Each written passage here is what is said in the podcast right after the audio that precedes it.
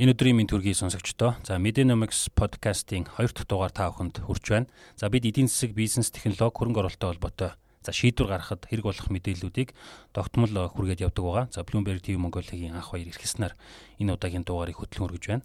За энэ өдрийн мэндийг хүргэе иргэсэ. Энэ өдрийн мэнд За тэр юун төрөнд бид э, тухайн өдрийн мөнгөний урсгал ньюслетерийнхээ онцлог мэдээллээс бас цөөн үгээр хүргэдэг байгаа.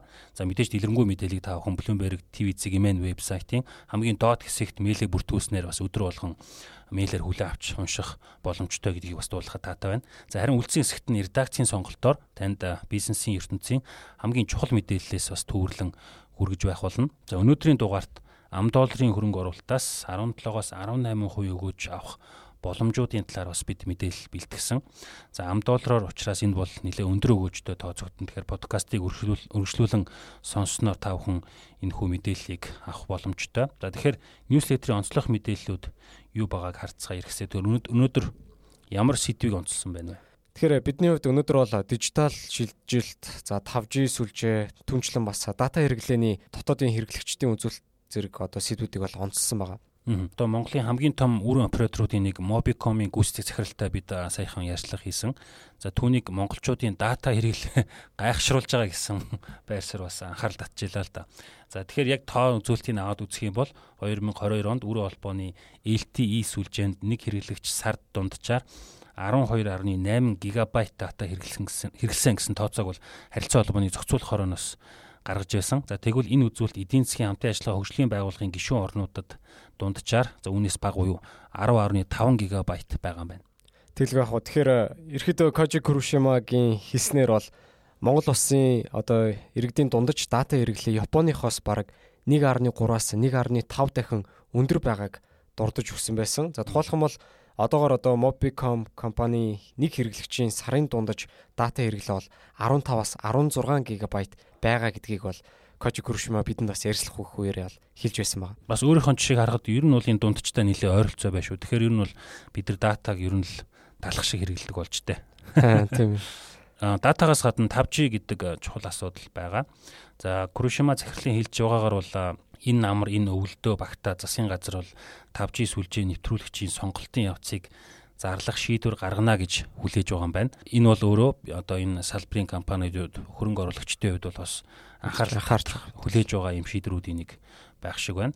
За бас нүүрсний зах зээлийн мэдээллийг маш товчхон хүргэе хэрэгсэн. Тэгэл яг хуу өнөөдөрхөн Essexcol агентлагаас бол хиттийн нүүрсний импортын сүүлийн тоон мэдээллийг бол гаргаж өгсөн байсан. 8 дугаар сард 44.3 гаруй сая одоо тонн үрсийг импортлсон нь за сарын дүнгээр шин түүхэндээ үзүүлэлт босон нь төдийгүй за өмнөх оноос баг 51 орчим хувийн өсөлтийг үзүүлсэн ийм тоо мэдээллийг бол танилцуулсан байгаа. Бидний одоо ньюслетертэй бэлтгэн онцсон графикийг харах юм бол бүгд найрамдах хятад ард улсын Монгол улсаас худалдаа авч байгаа нүрсний үн бол сүүлийн 5 сар дараалал ийм буурс үзүүлэлттэй байгаа. Тэгэхээр Essex Call-ын дурдсанаарч муу адил ерөөдөө зах зээлд нүүрсний үн буурах хандлага одоо үргэлжиж байгаатай холбоотойгоор хиттийн компаниудын худалдаа авалтаас өндөр байгаа нь үүнд жин дарж байна гэж бол мэдээсэн байна. За мэдээж бас Австрали улсын Австралиас одоо худалдаа авах нүүрсний импортын хоригоо бүрэн цуцлснаас мэдээж хиттийн нүүрсний импортын хэмжээ ингэж түүхэнд эзэхтэй хурж өсөхөд бас нөлөөлсөн байна. Тэгэхээр эдийн засгийн мэдээнд бол яриад явах үзүүл гэж хэлдэг. Тэгвэл манай ньюслетерт бол нүүрсний импортын дата мэдээллийг бол маш одоо ойлгомжтой байдлаар график байдлаар бас хүргэж байгаа ньюслетерээс та бүхэн харах мэдээллийг авах бас боломжтой байгаа шүү.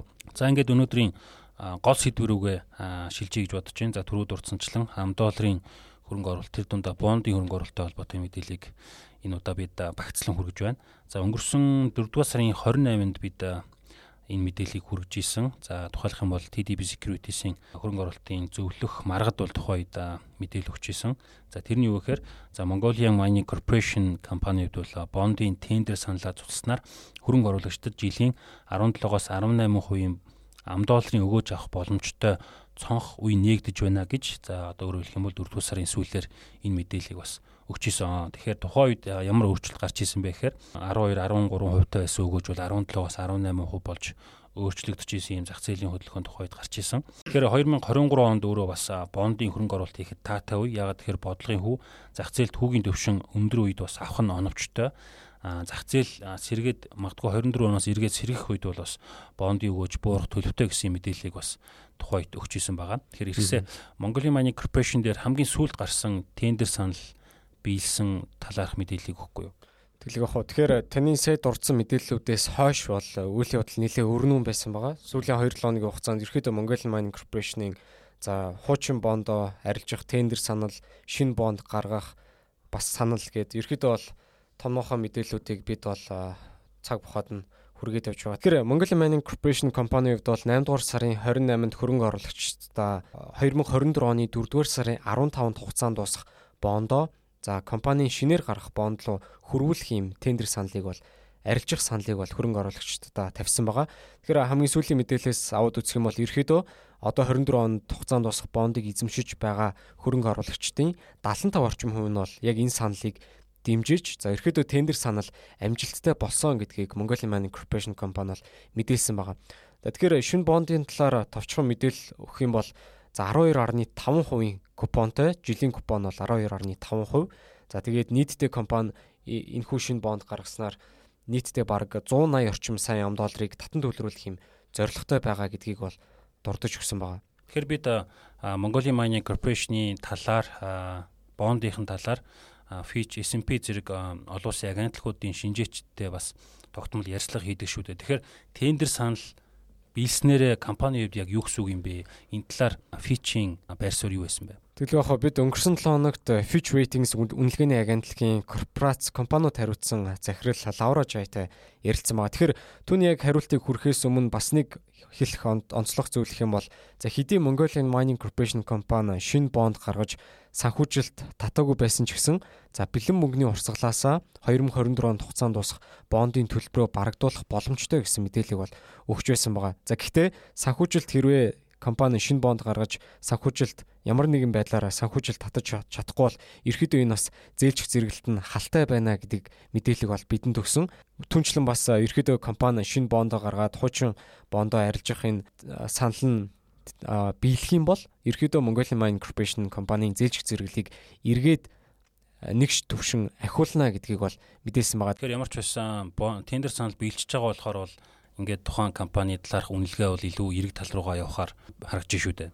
Тэглгүй яг хуу тэгэхээр бидний хувьд бас Moody's агентлагийн шинжээчтэй маргааш одоо пүрүү гарагт буюу ярьслах ихээр туулсан байгаа. Тус компанийн хувьд бол зээлчих зэрэглэлт нь бол төдийлөн томоохон өөрчлөлт оруулаагүй. Гэхдээ бас шинэ бонд гарах нь ерөөдөө одоо нааштай болсон энэ үйл явдал Mongolian Mining Corporation-ийн зэрэглэлд хэрхэн нөлөөлөхөөр байгаа вэ гэдгийг нь асуухад бас нэлээдгүй одоо сонирхол татах байхаа гэж бодож байна. MMC-гийн шинэ бонд дээр өөр бидний мэдэх хэрэгтэй мэдээлүүд юу байна? Тэгэхээр MMC-гийн 2026 хугацаанд бас 12.5% хүүтэй энэхүү бонд бол Сингапурын биржээр арилжаалагдах зөвшөөрлөө бол авсан байгаа гэдгийг компани мэдээсэн. За хөрөнгө оруулалтын хилцлийг нь бол хөрөнгө оруулалтын томоохон банкнууд бол Deutsche Bank, за Morgan Stanley зэрэг компаниуд бол хариуцаад явахаар байгаа юм байна. Тэгэхээр мэдээж бид зах зээлд гарч байгаа хөрөнгө оруулалттай холбоотой анхаарал татсан мэдээллүүдийг нэгтгэхэд хүргэж байгаа. За энэ бүгд маань ямар нэг хөрөнгө оруулалтын зөвлөгөө биш. Бид зүгээр зах зээлд гарч байгаа хамгийн сүүлийн мэдээллүүдийг яг тухайлсан одоо Fitch агентлаг ингэж үзэж байна. Тэр үнцаасны компани шинжээч ингэж үзэж байна гэдэг байдлаар одоо яг их сурвалжтайгаар мэдээлэлээ нэгтгэхэд үргээд явж байгаа гэдгийг бас тодруулахыг хүсэж байна. Тэгэхээр зарим нэг суурь мэдээллийг өгье гэж бодож байна. За Mongolia Mining Corporation бол коксч нүүрс экспортлдог компани байгаа. Тус компани 2010 онд Хонконгийн хөрөнгөний бирж дээр одоо хувьцаагаа гаргаж бүртгүүлснээр за олон улсад хувьцаагаа гаргасан Монголын анхны компани болж байсан. За түүнээс хойш бол зах зээл усан тус компани хувьцааны ханш бол ихээхэн хэлбэлцлийг бол мэдээж тойроогүй. За сүүлийн байдлаар хувьцааны ханш ямар байгаа вэ гэсэн?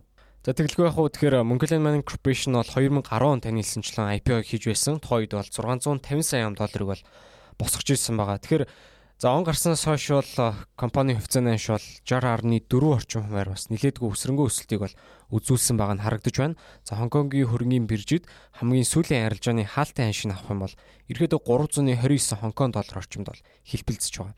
За тэгэхээр баярлалаа иргсэн. Монголын одоо Cocos чнүүсний томоохон экспортлогч Mongolia Mining Corporation-ы за шинэ бонд, за тендер санал зэрэг сүүлийн үеийн мэдээллүүдийг нэгтгэхэд бас маш зэгцтэй байдлаар богинох хүрхийг хичээлээ. Бид дараа дараагийн дугаартаа зам зах зээлд анхаарал татж байгаа чухал мэдээллүүдийг хүргээд явах болно. Тэгээ баярлалаа иргсэн. За баярлалаа.